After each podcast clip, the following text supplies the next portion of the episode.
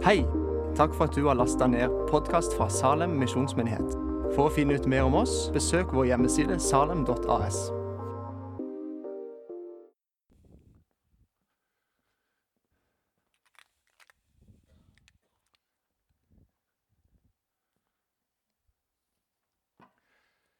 Ja, når du ser meg eh, rigge til denne flippoveren her, så forstår du at eh, jeg alltid lur, lurt alltid på da jeg var eh, ung. Skal jeg bli lærer, eller skal jeg bli noe annet? Så ble jeg noe annet, men eh, det går jo an å kombinere dette her. Skal vi se, Denne her ledningen der skal vi jo ikke ha så synlig. For alle dere som er på Facebook. Hallo, alle sammen. Nå vinker jeg til kamera. Tusen takk for den eh, nydelige lovsangen. Hva vi er glad for dere, altså. Og det er jo sånn at eh, eh, For å leve livet her på jorden så trenger vi en himmel over oss. Og det handlet jo den sangen dere sang om nettopp. Det er ikke det at livet på jorden alltid er så enkelt, men vi har en himmel over livet. Og eh, det er egentlig det som jeg skal tale om i dag òg. Det er det som er eh, budskapet. Så det var veldig fint. Jeg skal rigge meg til med litt eh, vann. Det er noen som mener at det tørre predikanter er ikke noe å høre på.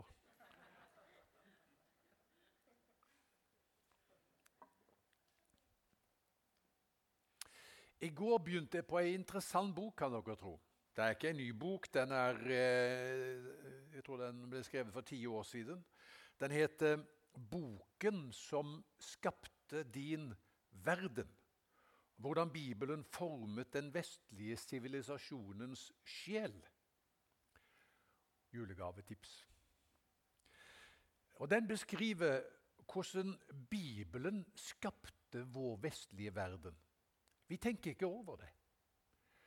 Men musikken, litteraturen, kunsten, utdanningsinstitusjonene, nasjonsbyggingen, det humane samfunnet, kvinnenes myndiggjøring, den frie pressen, framvekst av vitenskap og helsevesen Alt dette og mer til grodde fram i Bibelens jordsmonn. Og vi kan takke Bibelen for alle de gode fruktene som eh, vi så vokse fram i den vestlige verden. Det var et resultat av Guds ord, og at man tok imot det.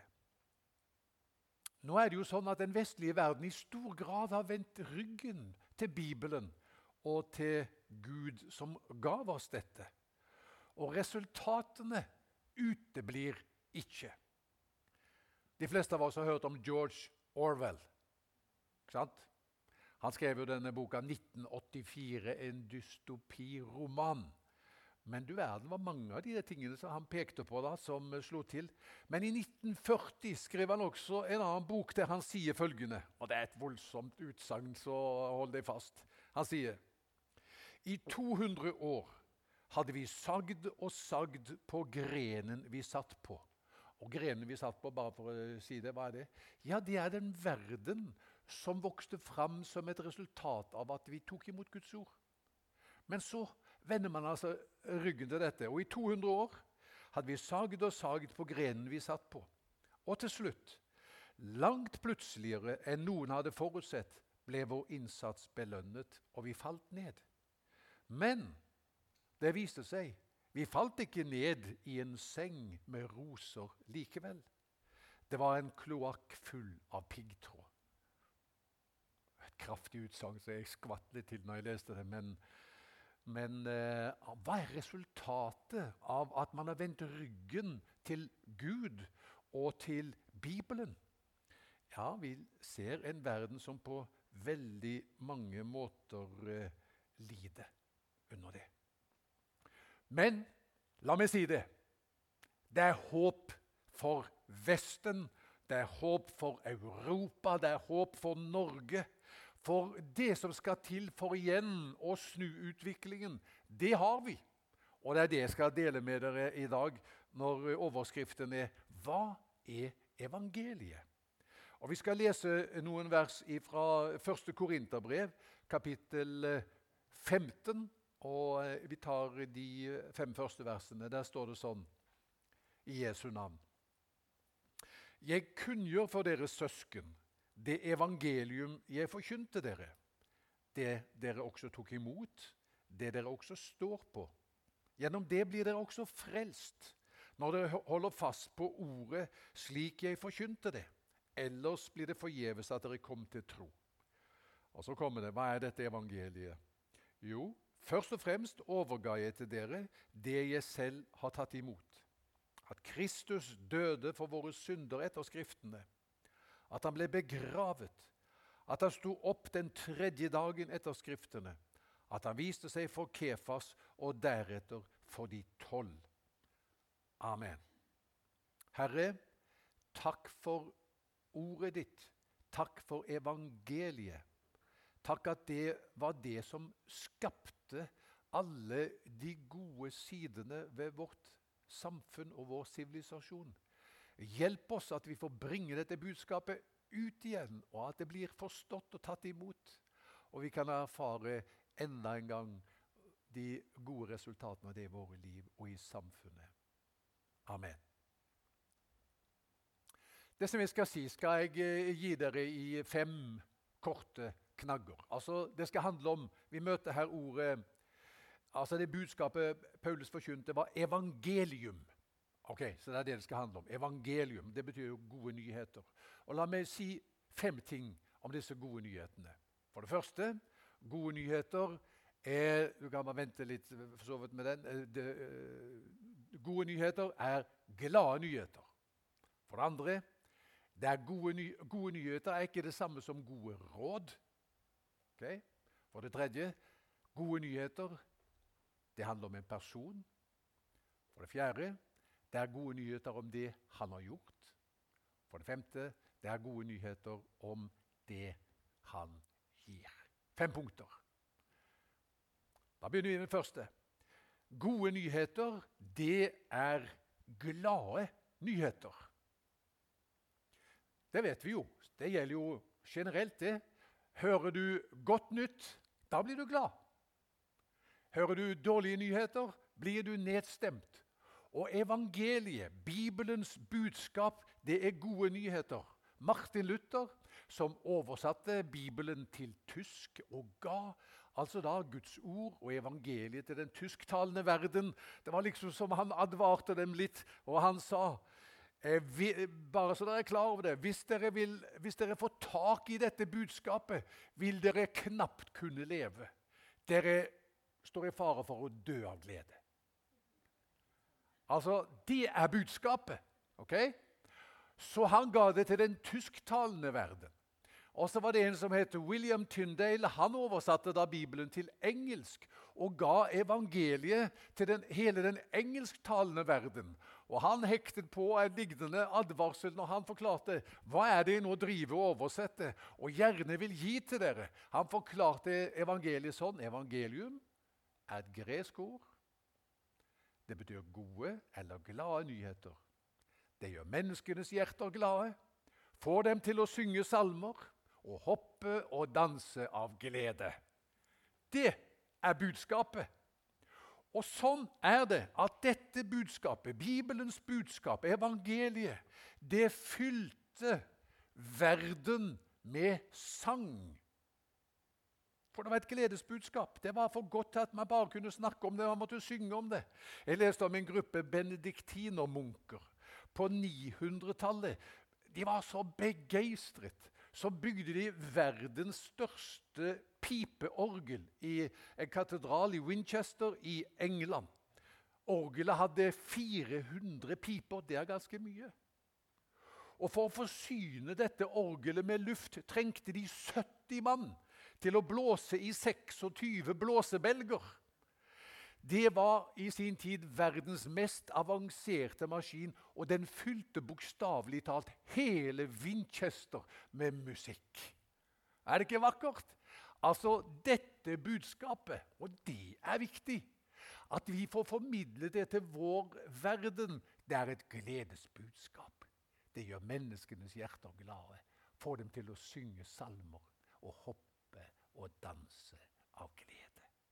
For det andre, og det kan være med å forklare hvorfor at man ikke helt uh, uh, oppfatter det, det at man leser dette feil. For mitt punkt nummer to det er disse gode nyhetene er ikke det samme som gode råd.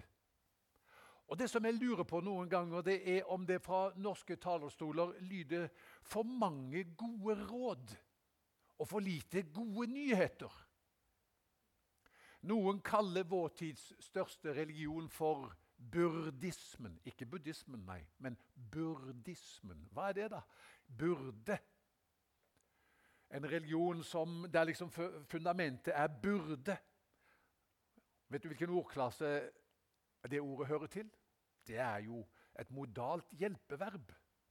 Det er lurt å gå på møter, da lærer man seg litt norsk òg. Det er et modalt hjelpeverb. Og hvilke andre modale hjelpeverb har vi? Burde, skulle, kunne, måtte. Og Karsten Isaksen, hvis noen av dere husker ham, han kalte de modale hjelpeverbene for de forbannede modale hjelpeverb.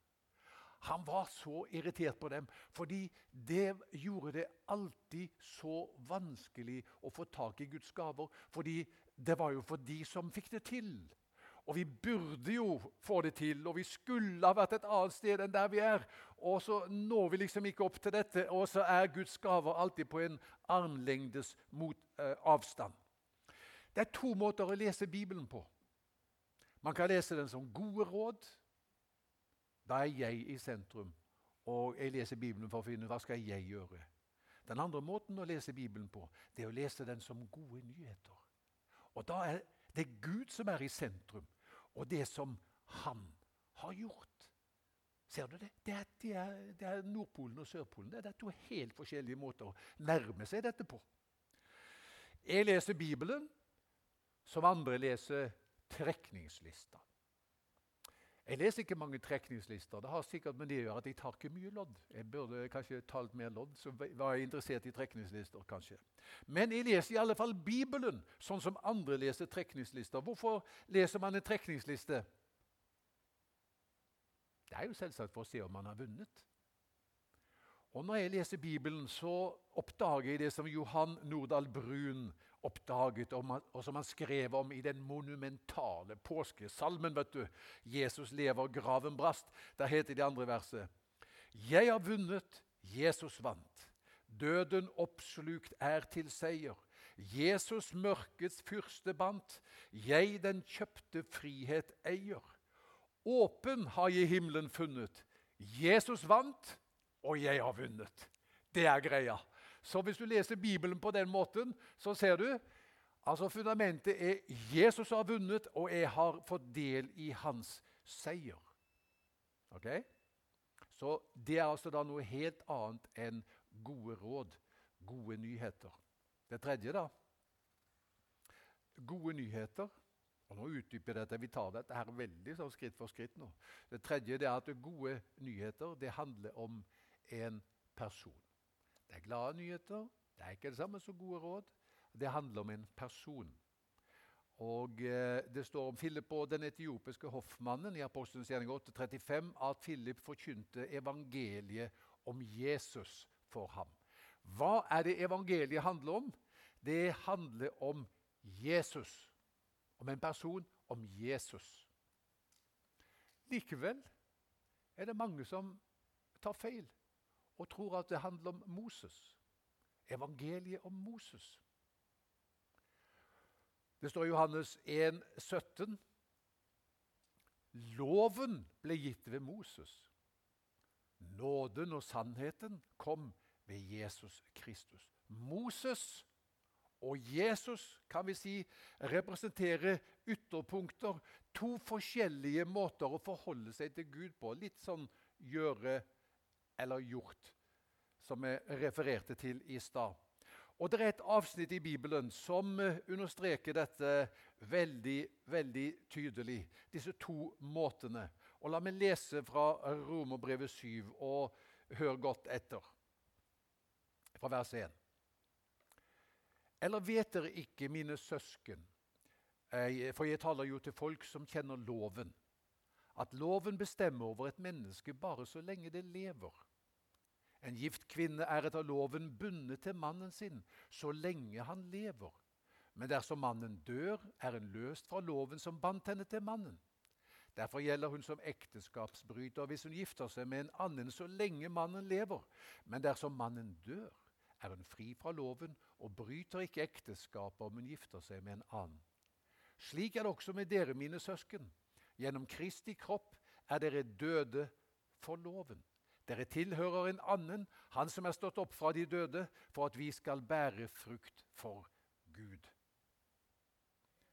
Ja, det er, de er veldig fine vers. Nå skal jeg flytte litt på denne her, sånn at jeg forsikrer meg om at dere ser det. For nå skal jeg illustrere dette her, sånn at eh, vi, eh, vi er sikre på at vi forsto det som jeg nå leste. Skal vi se her. Må dere si hvis dere ikke ser dette, da, noen. Ok? Eh, hvem er det? Det er Moses. Det var lett å se. Det er Moses. Eller vi kan si uh, uh, vi, kan jo faktisk Skal vi se Vi kan jo faktisk tegne Skal vi se Det tenkte jeg ikke på, men der har vi det. Hva tror du han har i den hånda?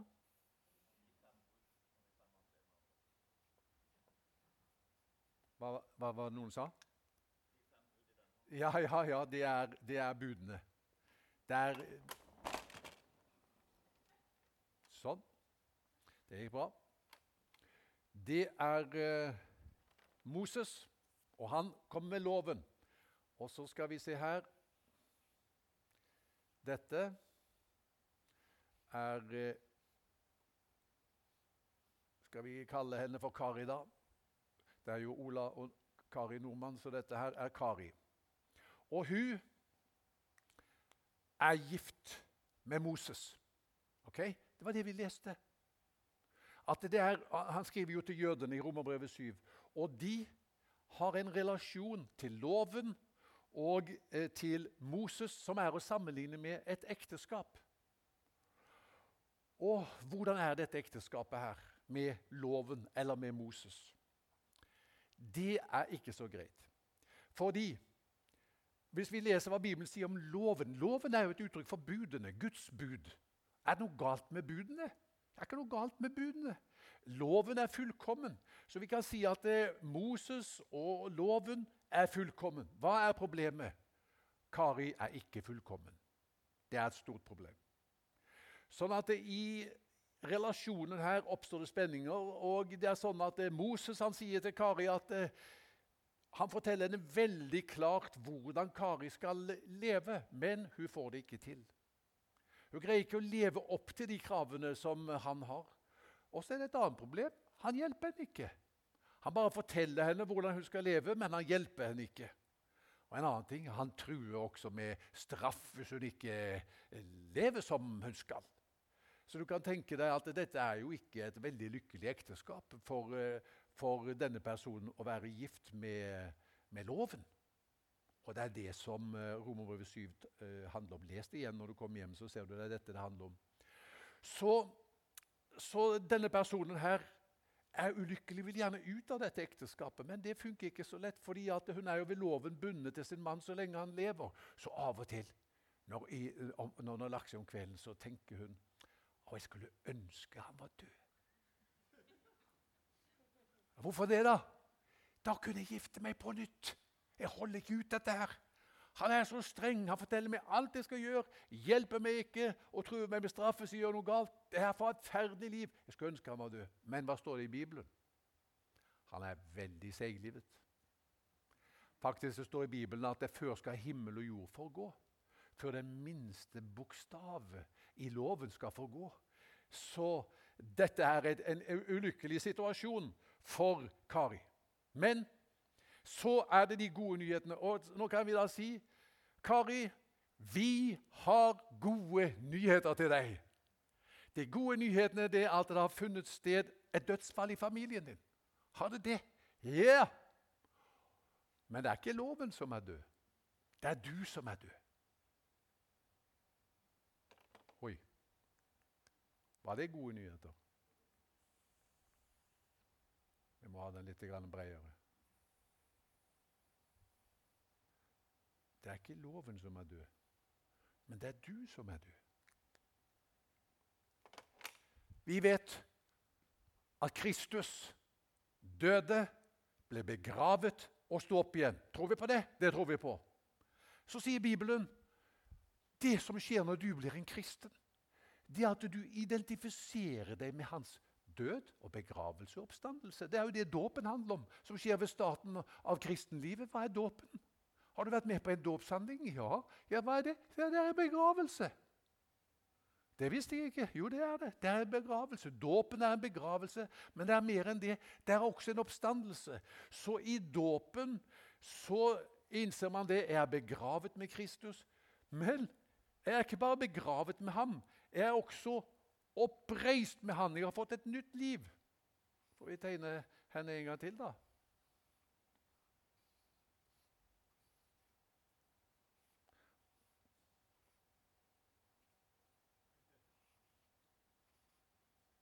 Der har hun fletta òg. Den her var ikke helt god. Så hun er begravet, og så har hun fått nytt liv igjen. Hva nå, da? Nå er hun fri til å gifte seg på nytt.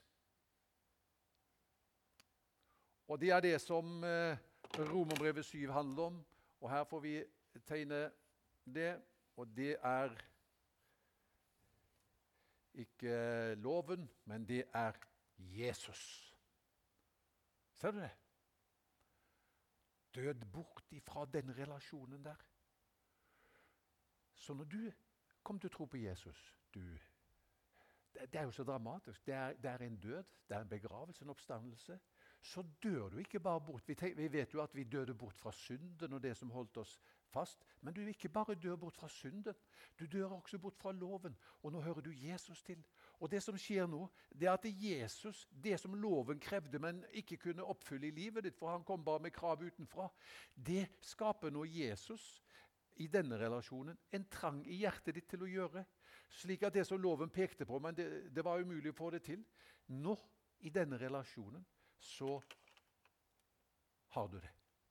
Og så vokser dette fram, og så bærer du frukt for Gud. Så dette er altså evangeliet. Det er gode nyheter om en person, om Jesus og den relasjonen som du får lov å ha til ham. Og da er Det fjerde punktet det er at evangeliet det er gode nyheter om det han har gjort.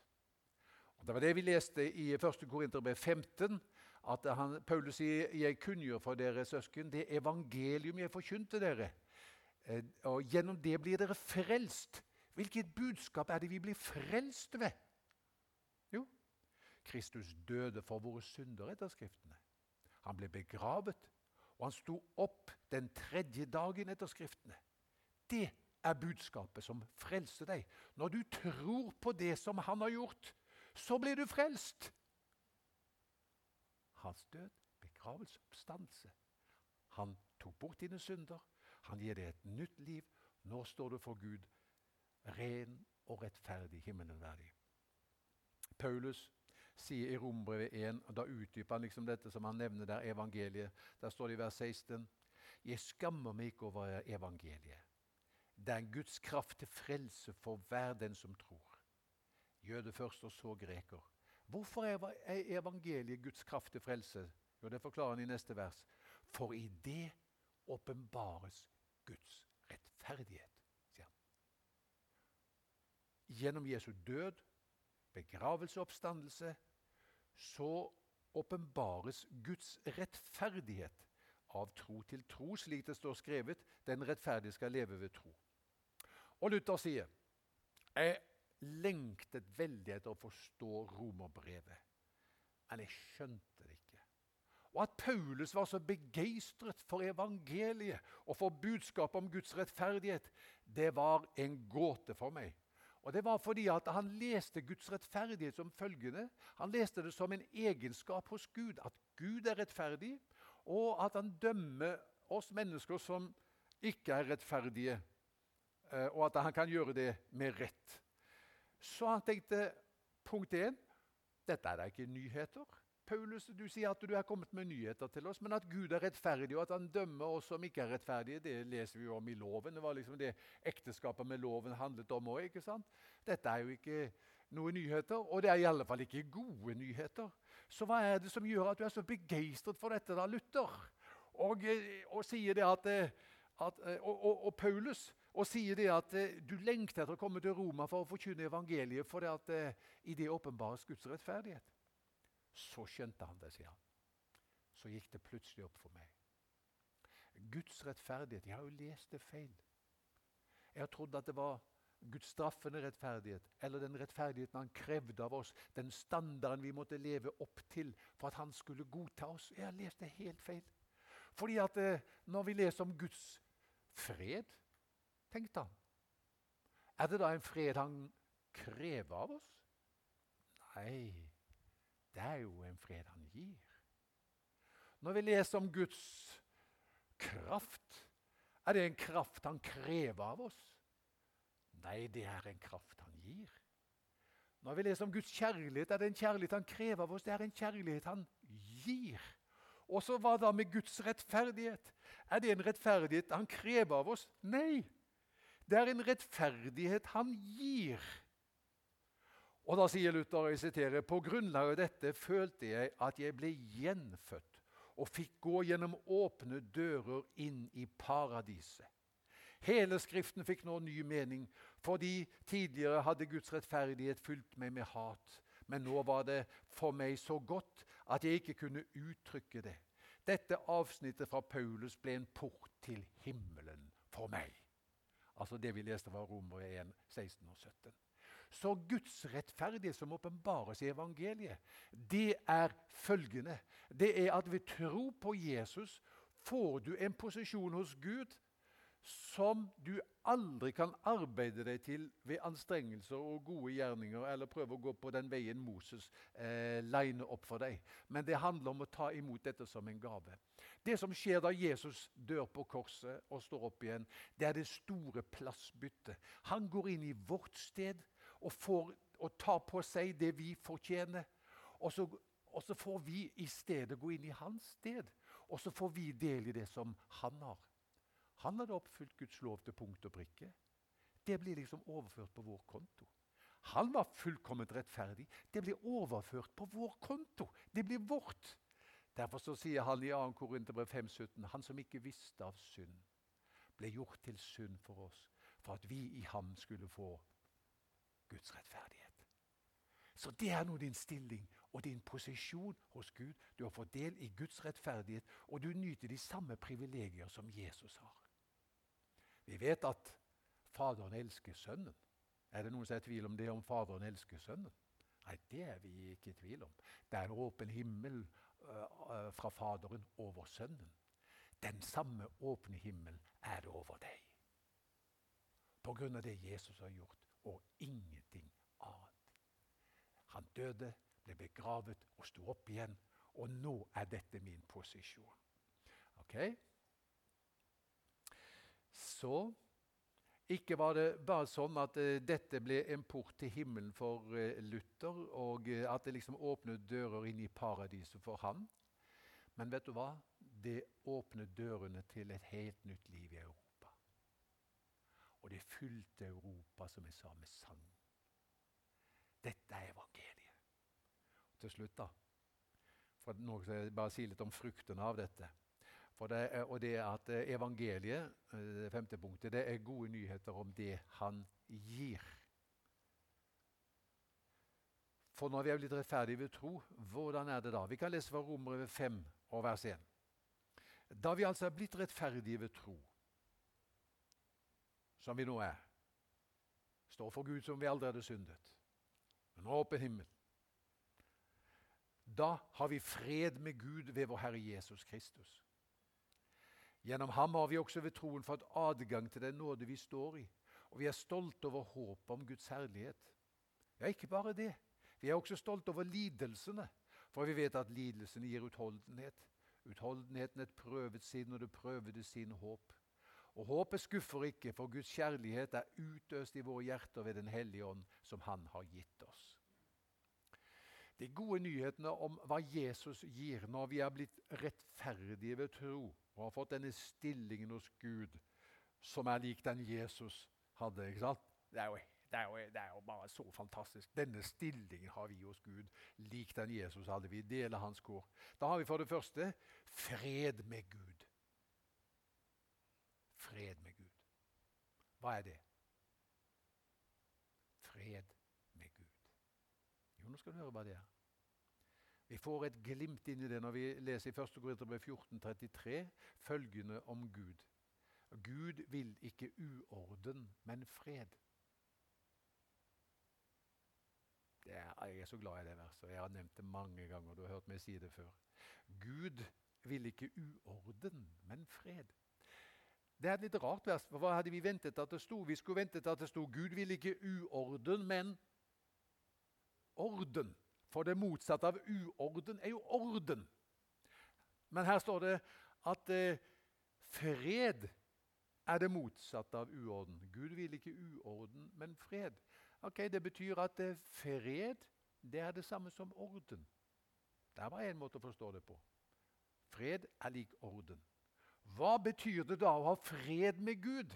Ja, ja men Det betyr alt er i orden mellom meg og Gud. Det er det det betyr. Ingenting skal forandres på. Ingenting må pyntes på. Ingenting ugjort må gjøres, eller ikke noe som er gjort, må repareres. Alt er i orden mellom meg og Gud. Hvem kan med hånda på hjertet si det? da? Kan du si det? At alt er i orden mellom deg og Gud? Du må være veldig from. Nei, men hør. Har vi fred med Gud ved vår Herre Jesus Kristus? Det er hans fortjeneste. Det er han som har gjort at jeg har fred med Gud, og alt er i orden. Så evangeliet skjønner du, det er hva Jesus har gjort, pluss ingenting. Det er Jeg hviler i det han har gjort, og nå er alt i orden mellom meg og Gud. Så det er det første. For det andre så har vi adgang til den nåde vi står i. Nåde betyr ufortjent kjærlighet. Og Da du ble en kristen, fikk du adgang til ufortjent kjærlighet. Og den kjærligheten står du i. Denne ufortjente, betingelsesløse kjærligheten står du i. Det er ikke sånn at kristendom begynner på ett grunnlag for siden og beveger seg over på et annet grunnlag der, eh, som er avhengig av hva, hva, du får til. Som han gutten vet du, som ble spurt ja, 'Hvem er det som har skapt deg, da, gutten min?' Ja, sa han, det er det jo Gud som har gjort, selvsagt, men resten har jeg vokst sjøl. Ikke sant? Og så kan vi tenke at eh, sånn er det liksom med, med, starten på kristenlivet. Vi vet at det, det skjer jo av nåde. Jeg får komme til Gud som en synder. Som Sigvard Riser. Jeg er så glad i den salmen. Jeg, vet du, jeg spurte vel deg Lilian, sist jeg talte om dette, om du kunne den. Har du lært den nå? Ikke ennå, men du, kanskje du skal øve, øve på den. Slik som jeg var, kom jeg til Gud og fant heimat til far. Om synder og tvil Nei, skal vi si Bunnen i Letjord var det, på Sundeveg Lange. Ja, det har jeg faktisk glemt ut. Men poenget var at han, han tok imot oss sånn som vi var. Så heter det et annet vers, og det husker jeg. Slik som jeg er, Herren i nåde til barnet sitt ser. Om synder og tvil, det er hele mi ære. Han er min frelser, og det vil han være. Nåden er fri og jeg hviler meg der, slik som jeg er. Eller den der salmen av Olfer, Rikard. Han tror jeg var dansk, var han ikke det? Prest. Han skrev denne nydelige salmen. Du som freden meg forkynner. Du en frelser, jeg en synder. Du med ammen, jeg med bønn. Du med nåden, jeg med skammen. Å, hvor vi to passer sammen du velsignede Guds sønn. Adgang til den nåde vi står i. Videre håp om Guds herlighet. Vi roser oss, sier Paulus. Vi er stolte over håpet om Guds herlighet. Vi er på vei til himmelen. Det er håp for oss. Kan det være tøft å leve på jorda? Dere sang jo om det. Kan det være krevende? Ja, det er mange utfordringer som vi har. Men vi er et pilegrimsfolk. Vi er på vei et sted. Og vi vet det er et lys i tunnelen. Noen tror at det er et møtende tog, det der lyset der framme. Men vi vet at det er ikke et møtende tog. Det er lys i tunnelen. Det blir en ny himmel, en ny jord. Det er vi på vei til. Og dette håpet det gir oss kraft. Hva var det med de, eh, med de sorte? Uh, når de sang Negro Spirituals, hva handlet det om? De sang på tross av. Å, vi har det tøft, men vi er på vei et sted. Swing low, sweet chariot. Coming for to carry me home. Ikke sant? Vi er på vei et sted, og vi er på vei til dette. Og derfor, om livet er krevende, og det er mange utfordringer, så er Gud med oss. og Derfor så sier han uh, vi, vi er stolte over lidelsene motgangene vi møter, alt det som er av trengsler og problemer. Vi, vi, kan håndtere det fordi vi har fred med Gud. Tenk på hva vi kan håndtere når vi har fred med Gud. Og adgang til nåden og håp om Guds herlighet. Da kan vi håndtere hva som helst, fordi vi vet at Gud er med meg. Og det gir meg utholdenhet og kraft. Ok, Dette er evangeliet. Det skapte en voldsom optimisme i Vesten dere, da Luther oversatte Bibelen til tysk og William Tyndale til engelsk, og de fikk tak i dette budskapet. Det gjorde Vesten i stand til å synge 'Joy to the world'. The Lord is come. Let earth receive her king. Let every heart prepare his room, and heaven and nature sing. Himmelen sang, og Europas sang. Vi har fått del i evangeliet. Dette evangeliet er det vi må gi ut. Det har du og meg muligheter til i våre sammenhenger. La oss frimodig eh, For det første må vi bli trygge på evangeliet, kjenne det, og så må vi dele det med andre. La, la oss be. Ja, vi takker deg, Jesus, for evangeliet. Vi takker deg for evangeliets kraft. Takk for den endring det skapte i Europa.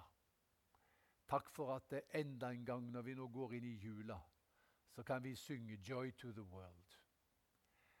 Og vi vil gi rom for deg i våre liv, og vi ber at det skal være rom for deg i vår nasjon, så at eh, Europa enda en gang kan erfare den glede det gir å ha fred med deg og fellesskap med deg og adgang til nåden og håp om Guds herlighet. Vi ber om dette i Jesu navn. Amen.